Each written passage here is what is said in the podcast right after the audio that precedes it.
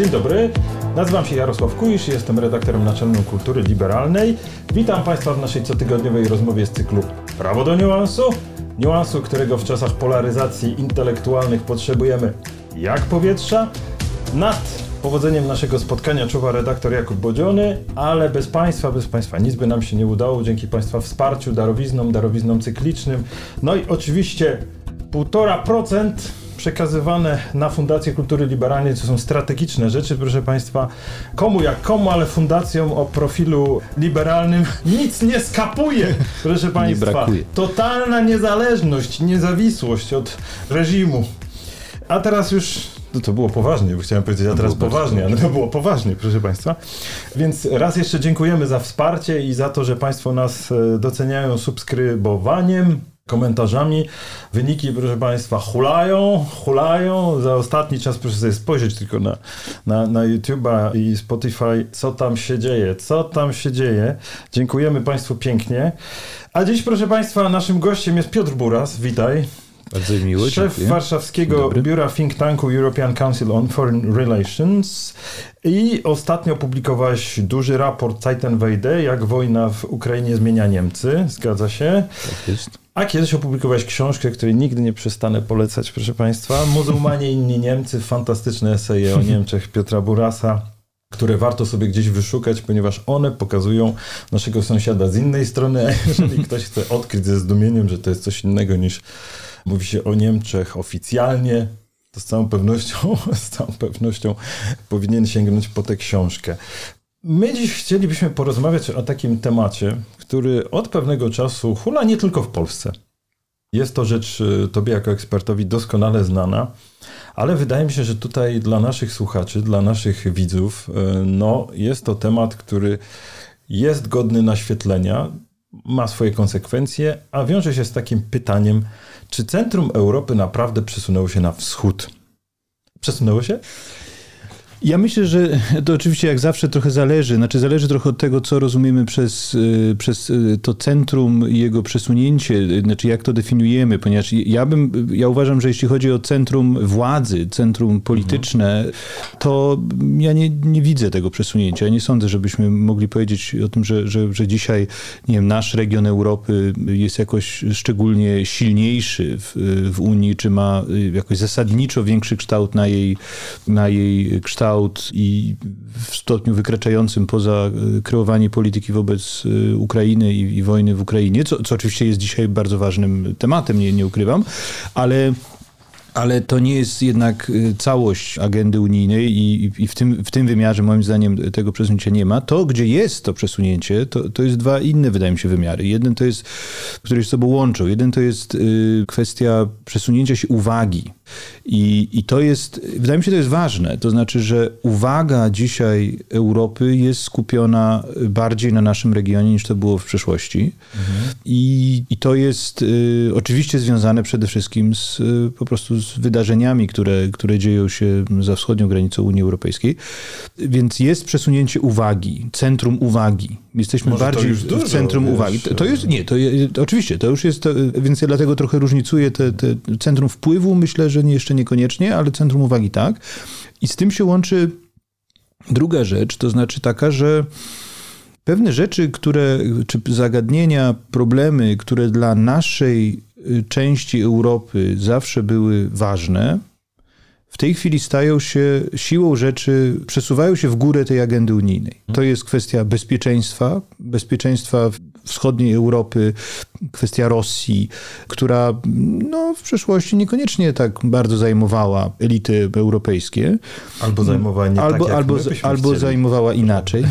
Y, Ale w tej chwili no to jest z oczywistych powodów kluczowy problem. Jest kwestia rozszerzenia Unii Europejskiej, które było takim klasycznym tematem naszego regionu, w ogóle gdzieś tam nisko na agendzie unijnej. W tej chwili no, to, to jest coś, o czym się dyskutuje i wszyscy zastanawiają się, co z tym fantem zrobić. No jest myślę też kwestia solidarności energetycznej, która też, my, którą my podnosiliśmy, nasz region podnosił jednak najbardziej, bo był najbardziej narażony na, na, na konsekwencje ewentualnych kryzysów. Więc innymi słowy, te tematy, które dla nas są ważne, one teraz są ważne dla, dla, dla reszty Unii również, bardziej niż w przeszłości i my tam się na tym polega przede wszystkim to przesunięcie. I to jest oczywiście szansa dla, też dla naszego regionu, w tym pierwszym znaczeniu, to znaczy mhm. tego, że można spróbować uzyskać więcej wpływu. No i ty swego czasu popełniłeś taki raport dawniej o tym, że to jest szansa to było chyba już rok temu, prawda? To jest szansa, która została zaprzepaszczona. Nie wiem, czy to nie było za wcześnie trochę, żeby taki wniosek formułować, to ty mi powiedz, ale generalnie powiedziałeś wtedy w raporcie na podstawie różnych tam wyliczeń, danych i tak dalej, że Polska ma szansę, przyciągnęła uwagę świata i, i te szanse marnuje i trwoni. Czy tak jest i dlaczego tak było? Znaczy ten raport, o którym, do którego się odwołujesz, to był, podejrzewam, taki większy też raport o transformacja Unii Europejskiej, a Polska, nowy rozdział, znaczy z taką tezą, że, że już w okresie pandemii y, te wszystkie zmiany, które w Unii zachodziły, one zaczęły no, rzeczywiście bardzo mocno Unię zmieniać i, i, i, ta Unia zaczęła przybierać kształt, który może niekoniecznie my sobie wyobrażaliśmy jako idealny, przystępując do Unii, czy w ogóle nie przewidywaliśmy takich zmian w, w różnego rodzaju obszarach integracji, też elementy warunkowości, dostępu do różnych y, benefitów i tak dalej. I że, no, I że to jest jakiś nowy rozdział w, w, też historii polskiej integracji z Unią Europejską, czy w Unii Europejskiej. I, I, ja myślę, że ta wojna dopisała kolejny rozdział do tego rozdziału, to znaczy stała się jakby jego przedłużeniem. Ta Unia rzeczywiście się dzisiaj zmienia bardzo, w moim przekonaniu ale to przesunięcie uwagi na wschód też jest częścią tej zmiany. I to jest, i to jest rzeczywiście, tak jak wtedy może nie wykorzystaliśmy jeszcze tego ze względu na naszą politykę wewnętrzną w dużej mierze, y, za mało też było chyba uwagi w ogóle poświęconej tej zmianie i jej konsekwencjom. Tak teraz ja też mam przekonanie, że my nie, nie wykorzystujemy tego momentu. Dla no mnie właśnie, przykładem dlaczego? było, dla, dla mnie przykład, e, ja myślę, że Przede wszystkim dlatego, że, że to nie jest, że w ogóle mm, polityka europejska czy możliwość wykorzystania tych szans, które się dzisiaj otworzyły dla wzmocnienia roli Polski w Unii Europejskiej, czy ukształtowania też Unii trochę według naszych wyobrażeń, że to nie jest w centrum zainteresowania rządzących. W centrum zainteresowania rządzących jest raczej wykorzystanie tej debaty do, do, do celów wewnątrzpolitycznych. I to pewnie zawsze trochę tak było, ale, ale dzisiaj no, jest moment jakiś zwrotny jednak, mhm. i, który, no, który dawałby nam szansę pewnie zaistnienia bardziej. Dla mnie, dla Dlaczego mnie... nie robimy? Bo jak otwieram sobie, to proszę Państwa, Państwo wiedzą już, że to nie tajemnica, pozwalam sobie zaglądać do prawicowych tygodników, e, pewne zawodowe podejście wymaga zajrzenia też do TVP. No i tam, wiesz, trąbi się o tym od, od rana do wieczora w zasadzie o tym, że teraz jest czas naszego regionu, że wykorzystujemy, że kupujemy broń, że będzie potężna armia, w teorii przynajmniej jedna z najpotężniejszych w Europie, że zawiązujemy ściślejszy sojusz z Waszyngtonem, i że wyznaczamy agendę taką geopolityczną Unii Europejskiej. PR, nie PR, co jeszcze można by było zrobić, powiedz? Znaczy, no, no, te przykłady, które podałeś, znaczy to są na pewno ważne y, elementy polskiej polityki zagranicznej, ale to jest ciekawe, że one akurat z Unią Europejską nie mają tak bezpośrednio wiele wspólnego. Mhm. To znaczy, to jest, to jest pewna, pewna ścieżka, którą idziemy, która też jest uzasadniona, to znaczy i wzmacnianie partnerstwa ze Stanami Zjednoczonymi jest, y, jest bardzo istotny. Rozwój armii, czy jej wzmacnianie też jest bardzo ważne, niezależnie od tego, czy, czy ten plan, który w tej chwili jest, jest w pełni wykonalny, finansowalny i tak dalej. To może można o tym długo dyskutować, ale, ale kierunek jest na pewno, na, na pewno jakoś zrozumiały i, i słuszny. Natomiast y, z punktu widzenia dyskusji w ramach samej Unii Europejskiej, no to mamy w dalszym ciągu mamy, mamy sytuację, kiedy mamy konflikt o praworządność i, i, i my jesteśmy w sytuacji, gdzie z własnej winy rezygnujemy z dostępu do ogromnych środków, jednocześnie na przykład no, licząc na to, że będą pojawiać się następne fundusze, które, z których będziemy mogli korzystać. No, to, jest, to jest kompletnie niespójne z punktu widzenia przekazu, ponieważ no, wiele krajów, y, które dyskutuje dzisiaj na, na, tematy takie, czy na przykład utworzyć jakiś fundusz wsparcia dla transformacji energetycznej, czy, czy utworzyć y, fundusz wsparcia dla przemysłu w kontekście taki fundusz suwerennościowy, jak to się mówi, takie pojęcie już jest, y, suwerenności europejskiej w kontekście sporu handlowego ze Stanami Zjednoczonymi, żeby wspierać produkcję tych czystych technologii w, na terytorium Unii Europejskiej. No, mówią, no zaraz, ale jeżeli te, nie jesteśmy w stanie wykorzystać tych środków, które już były mhm. i kluczowe kraje, które mogą mogłyby korzystać z nowych i ich nie wykorzystują, no to, no to po co tworzyć jakieś nowe, nowe garnki, z których, których potem znowu nie, nie, to nie będzie wykorzystane. Znaczy dostarczamy pewnego pretekstu do, do, do postaw czy, czy, czy polityk, które nie są w naszym interesie. Ale to jest jakby, wydaje mi się, no to, to jest taki cząstkowy przykład, trochę może, ale ważny wydaje mi się. Natomiast na poziomie takim bardziej strategicznym, to ja, ja myślę, że Zobaczmy to przemówienie premiera Morawieckiego w Heidelbergu. To mm. było przemówienie europejskie. No bo napisałeś na ten temat dość krytyczny tekst. Tak, bo, bo wydaje mi się, że to jest jakoś... Y, Przypomnij takie... nam, co, co tam premier powiedział, bo to jest dość zabawne. Oczywiście w mediach, które kochają premiera, to tam dużo na ten temat mówiono, ale Mam wrażenie, że większość społeczeństwa to tak y, mogła nawet nie zauważyć, że takie wydarzenie miało miejsce, no, prawda? No, tak, bo, bo ja myślę, że też większość Europy nie, nie, zwróciła na to przemówienie większego, y, większej uwagi, co oczywiście jest od razu takim, może być potwierdzeniem tezy, że, że się nami nie interesują, że jesteśmy pogardzani, że jesteśmy y, traktowani niepoważnie, drugiej no, kategorii, jesteśmy. że premier, no nie, tak. ale że, że, że premier no, wygłasza ważne przemówienie i, nikogo to nie obchodzi. Ale ja nie chcę powiedzieć, że mhm. nikogo nie obchodzi, ale, ale w sumie no, media europejskie jakoś specjalnie się tym przemówieniem nie zainteresowały, chociaż to było przemówienie które premier wygłosił na Uniwersytecie w Heidelbergu, w, w, niejako w takim nieformalnym, powiedzmy, cyklu wielkich wystąpień y, wielkich przywódców europejskich. Macron miał swoje słynne przemówienie na Sorbonie, Olaf Scholz, kanclerz Niemiec, miał swoje przemówienie na Uniwersytecie Karola w Pradze i teraz Nasz premier miał takie przemówienie programowe, przemówienie o, o, Europie, przyszłości Europy na też renomowanym bardzo uniwersytecie w Niemczech, w Heidelbergu. I, I, i też, takiego powiedział? I, i, i ja myślę, że, że on powiedział bardzo, w gruncie rzeczy bardzo mało. Znaczy to przemówienie było długie i, pełne patosu i głównie o tym, że, że my mieliśmy rację w sprawie Ukrainy, ale jeśli chodzi o, o, o kwestiach zasadniczych dla przyszłości Europy, no to na przykład premier mówił o tym, że Polska nie chce superpaństwa europejskiego, że to odrzucamy mm. wszystkie tendencje do, do, do, do europejskiego superpaństwa. Nie definiując w ogóle, czym to ono jest, to znaczy na czym to polega, co się nam nie podoba tak naprawdę, nam, czyli rządowi nie podoba się w tej Europie. To była taka tyrada trochę przeciwko... Kontrola praworządności. No tak ale, na, tak, ale poza tym coś jeszcze, znaczy przeciwko centralizacji, federalizacji, ale bez definiowania też tych, jakoś tych, tych, tych pojęć, więc w zasadzie tak, jeśli chodzi o jakoś operacyjne kwestie, do czego można by się odnieść, no to właściwie nie bardzo wiadomo. No, premier mówił też, to było nawet ciekawsze mogłoby być na potrzeby debaty o przyszłości Europy, że integracja poszła za daleko.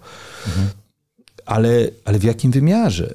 Gdzie? To znaczy, gdzie są te polityki, które, które uważamy, że powinny zostać, nie wiem, z powrotem nacjonalizowane, czy, czy gdzie, gdzie państwa powinny odzyskać na przykład, nie wiem, prawo weta?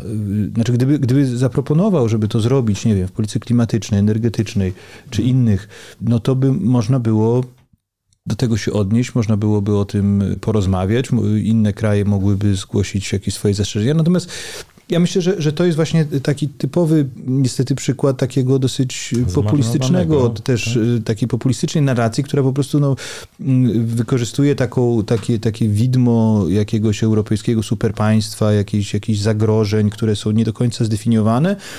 No, po to, żeby się od tego odbić i, i, i, powiedzieć, że my to odrzucamy i bronimy naszej suwerenności, i bronimy się przed, przed jakimiś zakusami, które są, są jakieś nie, bardzo wiadomo jakiej natury. No tak, tylko że czy to jest wkład do debaty europejskiej? No jaka jest tutaj wizja Europy, do której można by, można by się odnieść? No więc nikt się nie odniósł i, i, i, no wiesz, mi się wydaje, okazję. Bo, bo tak jak Państwo wiedzą, dla zaostrzenia naszych rozmów lubię sobie zajrzeć do argumentacji drugiej strony i tutaj bym powiedział tak, no dobrze, no to może to wszystko prawda, ale nasi narodowi populiści, czy, czy jak oni się tam chcieli określić, uważają, że są awangardą, że to oni wykuwają agendę przyszłości. To jest taki wyścig w opowieściach o polityce i o przyszłości polityki, w którym od Donalda Trumpa po Jarosława Kaczyńskiego trwa taki, takie, trwają takie zmagania, które rzeczywistość ma zweryfikować. Kto jest epigonem, a kto jest awangardą. I kiedy Morawiecki występuje z takim przemówieniem, no, tyle razy to słyszeliśmy już, że, że dla naszych uszu to może nie jest nic inspirującego, ale on ma takie być może przekonanie, że e, występuje jako rzecznik przyszłości i on nie musi już mówić nic e, innego niż tylko to, co wiele razy słyszeliśmy, bo to historia Czyli przyszłość ma pokazać o tym, że oni mieli rację. I druga rzecz, myślę, że trochę to jest takie strzelanie sobie w stopy. Gdyby to wystąpił Jarosław Kaczyński, nawet z tłumaczem, to prawdopodobnie ciężar tego wystąpienia byłby większy. No pewnie tak. No to jest już jakby specyfika naszej, naszej własnej tutaj lokalnej polityki, że taki mamy układ i że, że akurat premier polskiego rządu no, no, nie wyraża w gruncie rzeczy y, rzeczywistej linii, czy, czy to, to nie jest miarodajny dla, dla, y, w pełni miarodajny przynajmniej, jeśli chodzi o o koncepcję i jakąś, jakąś strategię. Ale ten, ten pierwszy wątek, który poruszyłeś jest ciekawy, to znaczy na ile, na ile to jest jakaś jaskółka przyszłości no. i że, no bo oczywiście można sobie wyobrazić taką taki scenariusz, że w Francji wygrywa Marine Le Pen, że w, we Włoszech dalej, dalej rządzi Meloni, że u nas na, nadal rządzi PiS. Y, Trump wraca do władzy. I, i Trump wraca do władzy w, w Stanach Zjednoczonych. Więc y, oczywiście, że, że to, jest, to jest jakiś scenariusz, tylko że on jest też w gruncie rzeczy niespójny z, mm, z tym, co w innych sprawach polski rząd mówi. To znaczy, bo jednak jest jednak bardzo poważna niespójność w tej, w tej tej idei europejskiej PiSu. To znaczy, z jednej strony mówi się, że my nie chcemy super państwa, jesteś właśnie, nie jesteśmy zainteresowani w gruncie rzeczy dyskusją o jakichś konstruktywnych propozycjach, zmianach. W zasadzie, no, znaczy, biorąc też, jeżeli, jeżeli twoja wersja jest y, trafna, powiedzmy ta hipoteza, którą postawiłeś, że, że właściwie, no, innymi słowy, żeby postawić kropkę na D, no, że, że, że rząd y, liczy się z tym, czy liczy nawet być może, nie wiem, NATO, że, że mm, no, Unia Europejska pogłębiać się będzie w ogromnym kryzysie, to znaczy, że będzie, że właściwie to w ogóle nie ma przyszłości ten projekt i będzie gdzieś tam rozpadał się no to, to, to jednocześnie jednak ten sam rząd y, no, oczekuje cały czas solidarności od, od Y, partnerów zachodnich. Znaczy, w dalszym ciągu y, liczy na to, że będą, nie wiem, współfinansować pewne projekty, że będą dokładać się, że będą wspierać Ukrainę i tak dalej, i tak dalej. Znaczy, no, to, to jest trochę, mhm. Y, to, to nie jest tak, że, że nas ten, ten nawet, nawet rządu PiSu przyszłość tego projektu kompletnie nie interesuje, no bo jesteśmy od niego w dalszym ciągu uzależnieni. Więc, więc ja myślę, że, że to może, może tak jest, ale, ale mi się wydaje, że bardziej pewnie prawdopodobne jest to, że, że tutaj nie ma, nie ma jakiejś dalej idącej wizji i raczej jest ona, jeżeli jest jakaś strategia, to jest podporządkowana po prostu celom wewnętrznym. Wiesz, ja musiałem sobie zadać dużo trudu, zacisnąć zęby, bo pisząc książkę teraz nową, musiałem przejść przez te, te, te, te różne cytaty naszych luminarzy związanych z prawem i sprawiedliwością i muszę ci powiedzieć, że to się klei niestety, bo założenie tam jest bardzo poważne, od Ryszarda Legutki aż po Jarosława Kaczyńskiego, że Unia Europejska nie będzie trwała wiecznie. I teraz, czy to stoi w sprzeczności z tym, żeby tam wyciskać brukselkę? Absolutnie nie. Założenie jest takie, że ten samochód w tej chwili jest najlepszym możliwym, to sobie wsiądziemy do niego, przyjedziemy się tak szybko i tak długo, jak się tylko da, ale szykujemy się generalnie na to, że on się rozleci y, niebawem. I to jest jakby, jakby jeden punkt. A drugi z tym związany, i to jest moje pytanie e, do ciebie, czy e, nie masz wrażenia, że wojna w Ukrainie dokonała takiego przesunięcia, że mamy do czynienia teraz z dwoma rozumieniami Europy? Bo to jest trochę tak, że kiedy pada to pytanie, czy centrum Europy przesuwa się na wschód, to jeśli chodzi o stare instytucje Unii Europejskiej, to Możesz odpowiedzieć, że nie. No tak, tak, tak właśnie e, twoja analiza wyglądała, że w zasadzie nie. To jest rodzaj przesunięcia medialnej uwagi. Ja się z tym zgadzam, ale zastanawiam się na ile, ciekaw jestem twojego zdania, dokonuje się tak jakby redefinicja Europy. To znaczy, że dobrze, to Europa w sensie Unii Europejskiej rzeczywiście jest tam, gdzie jest i niech sobie tam zostanie, ale w tym czasie buduje się ta druga Europa, jeszcze bliżej niezdefiniowana, albo raczej definiowana na bieżąco przez wojnę, która się toczy, to jest y, może bardziej geograficzne pojęcie. I ono rodzi się pod parasolem amerykańskim, czyli ono jest bardziej tak jakby NATO przykrywało kapeluszem znaczenie Unii Europejskiej obrońcy Unii Europejskiej zaraz podniosą larum, że, że no ale jak to, ale pieniądze, ale siła finansowa, gospodarcza i tak dalej jest tam, gdzie jest, z tym nie polemizuję. Ale w tej chwili okazało się, że trochę tak jak się mówiło w e, Rzymie starożytnym, że w czasie wojny muzy milczą, ja mam takie wrażenie, że w czasie wojny Unia Europejska przycichła przynajmniej. Jak sądzisz? Znaczy, ja myślę, że to jest raczej produkt naszej wyobraźni, czy, mhm. czy wyobraźni y, elit rządzących, niż jakieś odzwierciedlenie rzeczywistości. Znaczy, ja myślę, że Unia kompletnie nie przycichła w, w czasie wojny, wręcz przeciwnie. To znaczy, widać, że po prostu to, co, co Unia robiła w czasie wojny i, i bez jej i wsparcia dla Ukrainy i aktywności na też polu wewnętrznym, to znaczy przeformułowanie różnego rodzaju polityk, próba no, zabezpieczenia się przed konsekwencjami tej wojny, no, to świadczy o tym, że, że ona jest bardzo żywotna i, i, i bardzo, bardzo dużo robi. I naprawdę w wymiarze, nie wiem, polityki energetycznej, czy, czy nawet do pewnego stopnia polityki obronnej, oczywiście w bardzo ograniczonym zakresie, ale tej, tej europejskiej European Peace Facility, z którym finansuje się zakupy broni dla Ukrainy. Unia jednak poszła dużo dalej niż ktokolwiek mógł y, spodziewać, ale to tak trochę w nawiasie. Natomiast hmm. ciekawa jest oczywiście ta bardzo teza o tym, że tu się coś nowego formuje.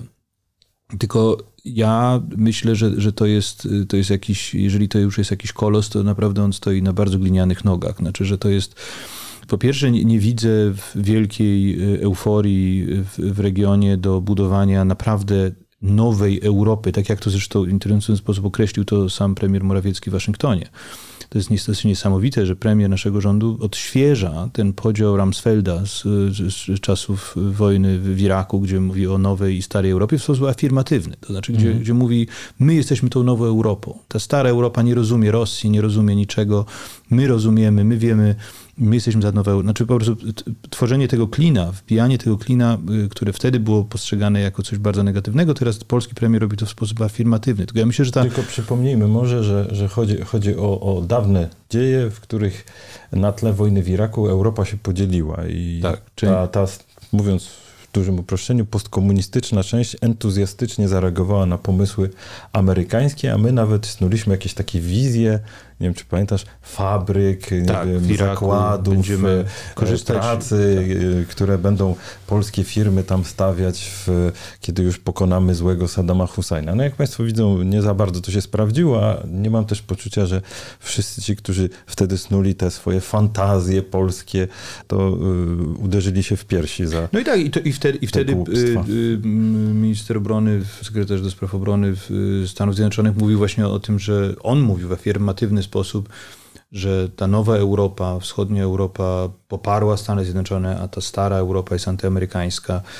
I, i to było wtedy odebrane w Europie oczywiście bardzo, znaczy przez wielu przynajmniej negatywnie, no, jako takie wbijanie klina tworzenie podziałów też specjalnie w, przez Amerykanów w, w Europie, a, a dzisiaj no, mam wrażenie, że to jest tak, ta narracja, na której polski rząd próbuje wypłynąć y, mhm. i próbuje się pozycjonować i, i, jakby legitymizować swoją politykę w, też wobec Waszyngtonu. Mi się wydaje, że to jest bardzo, bardzo szkodliwe, ale przede wszystkim mówiąc jeszcze, wracając właśnie do tego, do tej idei tej nowej Europy, która, która miała być pod parasolem amerykańskim, ja myślę, że to jest tak, że oczywiście w wymiarze obronnym jest, tworzy się pewna oś północ-południe. I, I, to jest bardzo interesujące, że, że te kraje skandynawskie, teraz Szwecja, Finlandia, znaczy Finlandia już jest członkiem NATO, Szwecja aspiruje, kraje bałtyckie, Polska, Rumunia, to jest, to jest tu jest jakaś oś silnej współpracy i też Amerykanie odgrywają dużą rolę. Natomiast nie ma na pewno żadnej y, energii, żadnej woli, w, zwłaszcza w krajach skandynawskich, również w krajach bałtyckich, w zasadzie nigdzie poza polskim rządem, mhm. żeby definiować to jako jakiś blok antyzachodni, antyzachodnioeuropejski. To znaczy wręcz przeciwnie, jest, y, że, że to jest jakaś nowa siła w ramach Europy. Ja rozmawiam z dyplomatami skandynawskimi, to oni mówią, że oczywiście oni widzą wspólnotę interesów z Polską, wspólne w dużej mierze spojrzenie na konflikt, y, na wojnę w, w Ukrainie i, i, i na, nawet wiele innych spraw. Ale w momencie, kiedy to staje się, nie wiem, antyniemieckie, antyfrancuskie, jeżeli tak to ma być zdefiniowane jako, jako, jako przeciwwaga, to to jest koniec rozmowy. To znaczy mhm. oni uważają, że Szwecja wchodzi do NATO po to, żeby zasypywać jakiekolwiek podziały, jakie w Europie są. To znaczy, będąc krajem nienatowskim, gdzieś jest trochę z boku. Chce, nie chce być już nigdzie z boku. Nie chce, nie chce, żeby były jakiekolwiek, jakiekolwiek podziały. Więc tworzenie nowych podziałów w Europie, jakichś politycznych właśnie wokół tego tematu, nie wchodzi w rachubę. I to mi się wydaje, że w tym naszym podejściu, gdzie dużą rolę grają emocje, jakieś takie polityczne też strategie. Tutaj my nie mamy żadnego poparcia w, w tych krajach. Znaczy, mhm. dopóki to chodzi o konkretne sprawy, konkretne projekty w wymiarze zwłaszcza obronnym, to, to jest ok. Jeżeli chodzi o jakąś strategię bardziej polityczną, to przestaje to być atrakcyjne. Ale drugi problem jest, jest wydaje mi się, szerszy. Znaczy, no to jest też pytanie o Stany Zjednoczone. Mhm. Znaczy, że y, my oczywiście chcemy wierzyć w to, że, że Stany Zjednoczone pozostaną zaangażowane w Europie w takim mierze albo bardziej jeszcze niż jak są w tej chwili, ale to jest bardzo złudna perspektywa. Jest bardzo prawdopodobne, że, że będziemy mieli do czynienia z administracją w Waszyngtonie, która, która będzie albo wręcz y, niechętna Europie i, i, która będzie starała się zredukować obecność i zaangażowanie amerykańskie w Europie, albo będzie, będzie w sposób bardziej taki stopniowy po prostu przesuwać punkt ciężkości jeszcze bardziej w kierunku Azji. I, i, i tutaj to, żeby Polska miała być jakimś szczególnym partnerem, który spowoduje, że, że nie wiem, Stany Zjednoczone będą tracić powoli zainteresowanie Europą jako całością, ale będą się interesować Polską i, mhm. naszym otoczeniem. Wydaje mi się, to jest y, zupełnie jakaś, jakaś iluzja i, i, i trochę się dziwię, że, że na tym próbujemy budować jakąś strategię. Może nie ma ze specjalnie innych kart w talii. Może to jest jedyne, co pozostaje, żeby taki e, proamerykański kurs trzymać, bo w gruncie rzeczy co w zamian? I tutaj Wiadomo, że historia i geografia i potencjał militarny jako takie czynniki mają znaczenie. Były swego czasu takie sondaże prowadzone. Polacy generalnie nie wierzą w to, że Francja czy Niemcy przyszłyby im z pomocą, ale już co do tego, czy Amerykanie by przyszli, tak, raczej tak. Chyba tak i tak dalej. No tak, tylko że to, to jest e, takie trochę wyobrażenie zero-jedynkowe. To znaczy, że, że, że mamy do czynienia z sytuacją, w której mówimy wyłącznie, w dalszym ciągu mówimy tylko o kwestiach obronnych, czy kwestii bezpieczeństwa, że, że mamy do czynienia z jakimś konfliktem zbrojnym, w którym Polska musi liczyć na, na wsparcie albo Stanów Zjednoczonych, albo, y, albo Unii Europejskiej, czy krajów y, zachodnich i, no i, i wolimy mieć y, Amerykanów. No ja myślę, że że to jest y, trochę, trochę zbyt uproszczony obraz tych dylematów, przed którymi y, Polska stoi. Na przykład dla mnie bardzo konkretną, kluczową sprawą jest pytanie, bardzo ważne z punktu widzenia też bezpieczeństwa Polski, co dalej z Ukrainą i co dalej z wsparciem wojskowym dla Ukrainy nie w najbliższych miesiącach, ale w najbliższych latach. Najprawdopodobniej to napięcie geopolityczne między Rosją a Ukrainą się i w tamtym obszarze się nie nie zredukuje w najbliższych latach. Będzie trzeba wspierać Ukrainę wojskowo przez bardzo długi czas, czyli to wsparcie, które w tej chwili mamy, trzeba będzie utrzymać przez lata. I jest pytanie, kto to będzie robił. Czy to będą robić Amerykanie? Wątpię. To znaczy, Amerykanie na pewno będą chcieli, żeby, żeby Europa przejęła dużą część tej odpowiedzialności. To znaczy, tak jak teraz na przykład mamy w Europie, w Unii Europejskiej projekt wspólnego zakupu amunicji dla, dla Ukrainy, to że ten model wspierania Ukrainy będzie musiał zostać przedłużony na, na dużo, dużo dłuższy czas. Mhm. Ale czego to wymaga? To wymaga zdolności przemysłu zbrojeniowego w Europie. Trzeba je roz, rozbudować, trzeba to skoordynować, trzeba znaleźć na to pieniądze. No przecież Polska tego sama nie zrobi. Nie zrobi tego sama z Rumunią, czy, czy z Litwą i Łotwą. Y, Brzmisz jakbyś był za, jakby, jakby idea, którą właśnie, na którą wylano kubły e, nieczystości europejskiej autonomii strategicznej, którą Emmanuel Macron e, promował e, przy okazji swoich rozmów w Chinach. Jak pamiętamy słowa takiego dystansu niech będzie ogólnie dystansu do sprawy Tajwanu i tego, żeby podążać jak owce na rzeź za polityką amerykańską że tu trzeba mieć swój rozsądek.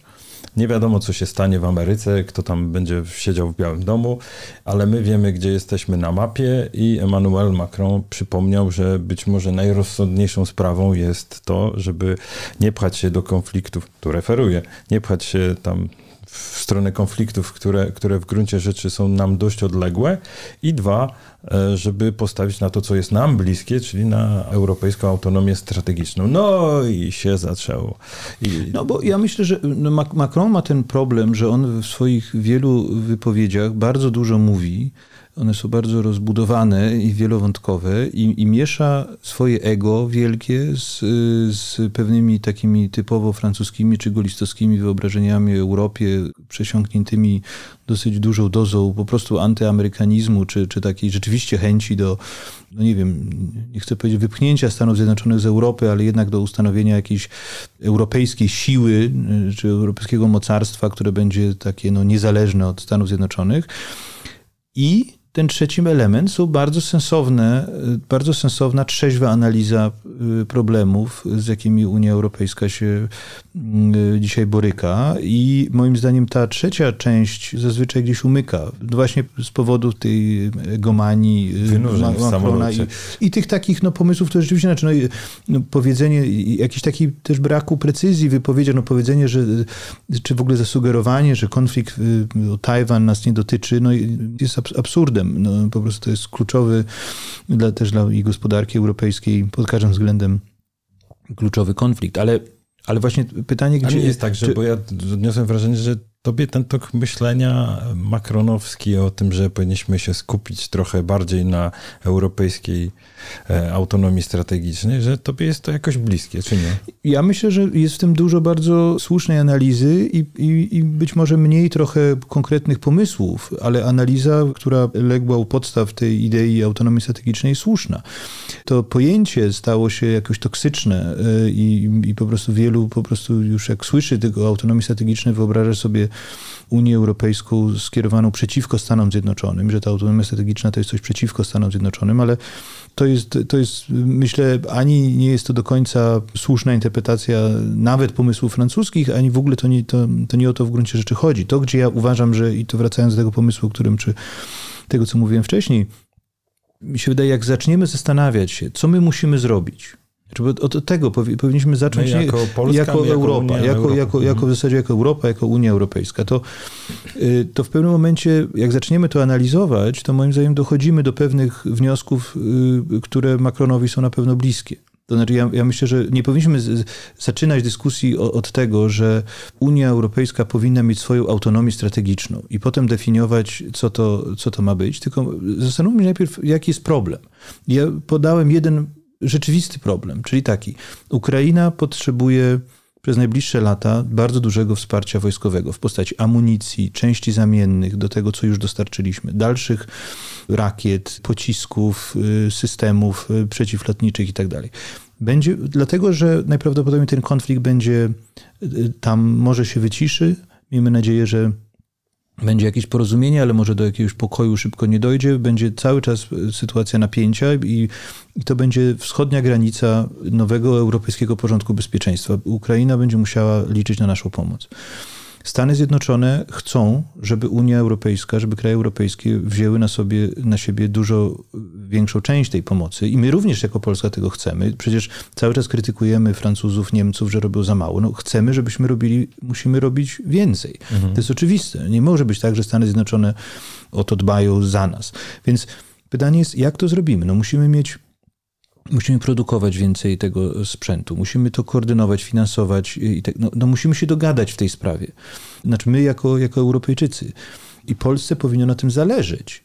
Mhm. Tylko, że to wymaga pewnych y, decyzji, które jeżeli sobie uświadomimy, co to do czego to prowadzi, no to tak, no to jest coś, co przy, przybliża nas do w gruncie rzeczy pewnych przynajmniej elementów tego, co Macron nazywa autonomią strategiczną. To znaczy, że my, że my jesteśmy w stanie, my w Europie, podołać pewnym obowiązkom sami, bez wsparcia amerykańskiego. No, nie przeciwko wiesz, Amerykanom, mhm. tylko, znaczy Amerykanom też na tym zależy, że oni sami mówią.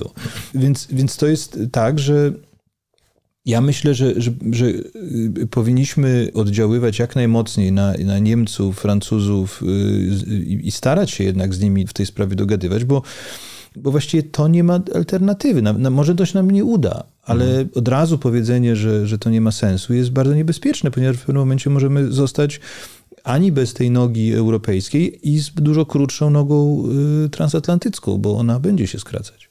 Jak oceniasz to Zeitenwende? Napisałeś raport i, i Olaf Scholz, przypomnijmy, ogłosił zwrot nie tylko w wydatkach na zbrojenia, ale przede wszystkim w całej filozofii politycznej, jeśli można tak szumnie powiedzieć, niemieckiej, o tym, że pewien etap został zamknięty i teraz czas wykuwać prawda, nową, no, nowe podejście do świata. Pierwsze miesiące już za nami i, i, gdzie dzisiaj są Niemcy, bo słyszymy na przykład, że obiecano duże wydatki, ale z, z wydawaniem pieniędzy nie jest tak łatwo na zbrojenia. tak, to znaczy ja myślę, że, że, że jest bardzo, ta zmiana w Niemczech jest w dużej mierze w wielu obszarach głęboka i trwała. Jeśli chodzi o postrzeganie Rosji, jeśli chodzi o zmiany w polityce energetycznej, Również jeśli chodzi o, o, pewną kulturę polityki y, obronnej i stosunek na przykład do, do wydatków wojskowych, czy w ogóle do, do obrony, to się, to się ogromnie zmieniło. No to jest takim symbolem tego jest to, że mało kto pewnie wie, ale że minister obrony, nowy minister obrony y, Niemiec jest najbardziej popularnym politykiem w Niemczech w tej chwili. To było nie do pomyślenia jeszcze parę miesięcy temu, żeby minister obrony mógł być najbardziej popularnym mhm. politykiem. W kraju, który jest, no rzeczywiście ma bardzo silne takie pacyfistyczne y, przekonania i niechęć w ogóle do siły militarnej itd.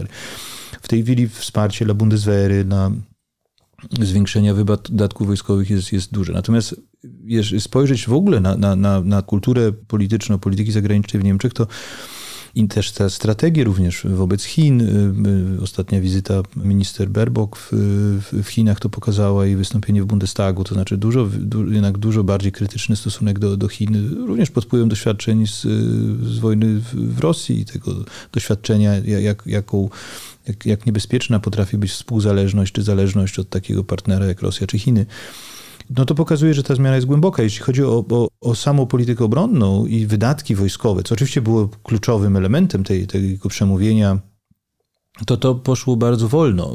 Znaczy tam mm, to też było przyczyną zmiany na stanowisku ministra obrony i, i, i ten nowy minister stara się przyspieszyć y, inwestycje w, w armię i, i mm, no, całe przestawienie się na, na, na nowe tory. Ale to oczywiście to jest powolny proces, nie tylko ze względów politycznych, ale też no, znaczy politycznych myślę najbardziej, no bo szybka zmiana wymaga jakichś bardzo radykalnych kroków, do których polityka niemiecka nie jest y, przyzwyczajona i nie jest mhm. zdolna w jakimś sensie tak strukturalnie. A Natomiast miało, bo niestety musimy kończyć tak. z powodów niezależnych od naszej rozmowy, zmierzać do końca musimy, z żalem to powiem, a jak już powiedział tak jednym, dwoma zdaniami to wniosek z, tego, z, tych, z tych miesięcy Zeitenwende dla Polski? Wniosek jest taki, że to jest, y, to jest szansa dla Polski, dlatego że my w, sprawach polityki wobec Rosji, w sprawach polityki energetycznej, również w sprawach polityki bezpieczeństwa nie byliśmy jeszcze tak blisko z Niemcami, jeśli chodzi o, o nasze, naszą analizę sytuacji, podejście, jak jesteśmy w tej chwili. I to jest oczywiście paradoks, że w tym momencie mamy najgorsze relacje z Niemcami w, w ogóle w historii ostatnich 30 lat, ale ostatecznie to jest jakiś, jakiś moment, w którym my możemy być silniej częścią i debaty niemieckiej i, i możemy starać się namawiać Niemców do pewnych projektów, które które dla nas są istotne. Myślę, że ta, ten taki, nie wiem, pakt obronny dla Ukrainy na przykład jest jednym z nich mm. i, i powinniśmy spróbować naszej szansy. Proszę Państwa, bardzo Ci dziękuję za, za, za tę wnikliwą analizę. Mam wrażenie, że żeśmy się dopiero jakby rozgrzali do, do głębszej rozmowy, ale proszę Państwa, na pewno będą jeszcze kolejne okazje, a już w przyszłym tygodniu, że tak powiem, e, prawem kontrastu polskiego e, z profesorem Zybertowiczem sobie e, porozmawiamy na podobne tematy. Ja tylko Przypomnę, że Prawo do Niuansu jest e, czwartkową odmianą wideo podcastu. Już jutro redaktor Jakub Bodziony będzie rozmawiać o polityce zagranicznej ze swoimi, e, ze swoimi gośćmi. Mogą nas Państwo oglądać na YouTubie czwartki wieczorem. E, ulubione serwisy streamingowe działają. Tam, proszę Państwa, wyniki, jak już mówiliśmy, są coraz lepsze, ale też przypominam, że dla nas ważną sprawą jest przekazywanie na Fundację Kultury Liberalnej od PiSu od podatku. Proszę Państwa, to jeden gest Państwa pitach, a dla nas w ogóle szansa przetrwania, więc bardzo, bardzo za to dziękujemy. I jeszcze raz dziękując Tobie Piotrze za dzisiejszą wizytę, zapraszam w następny czwartek.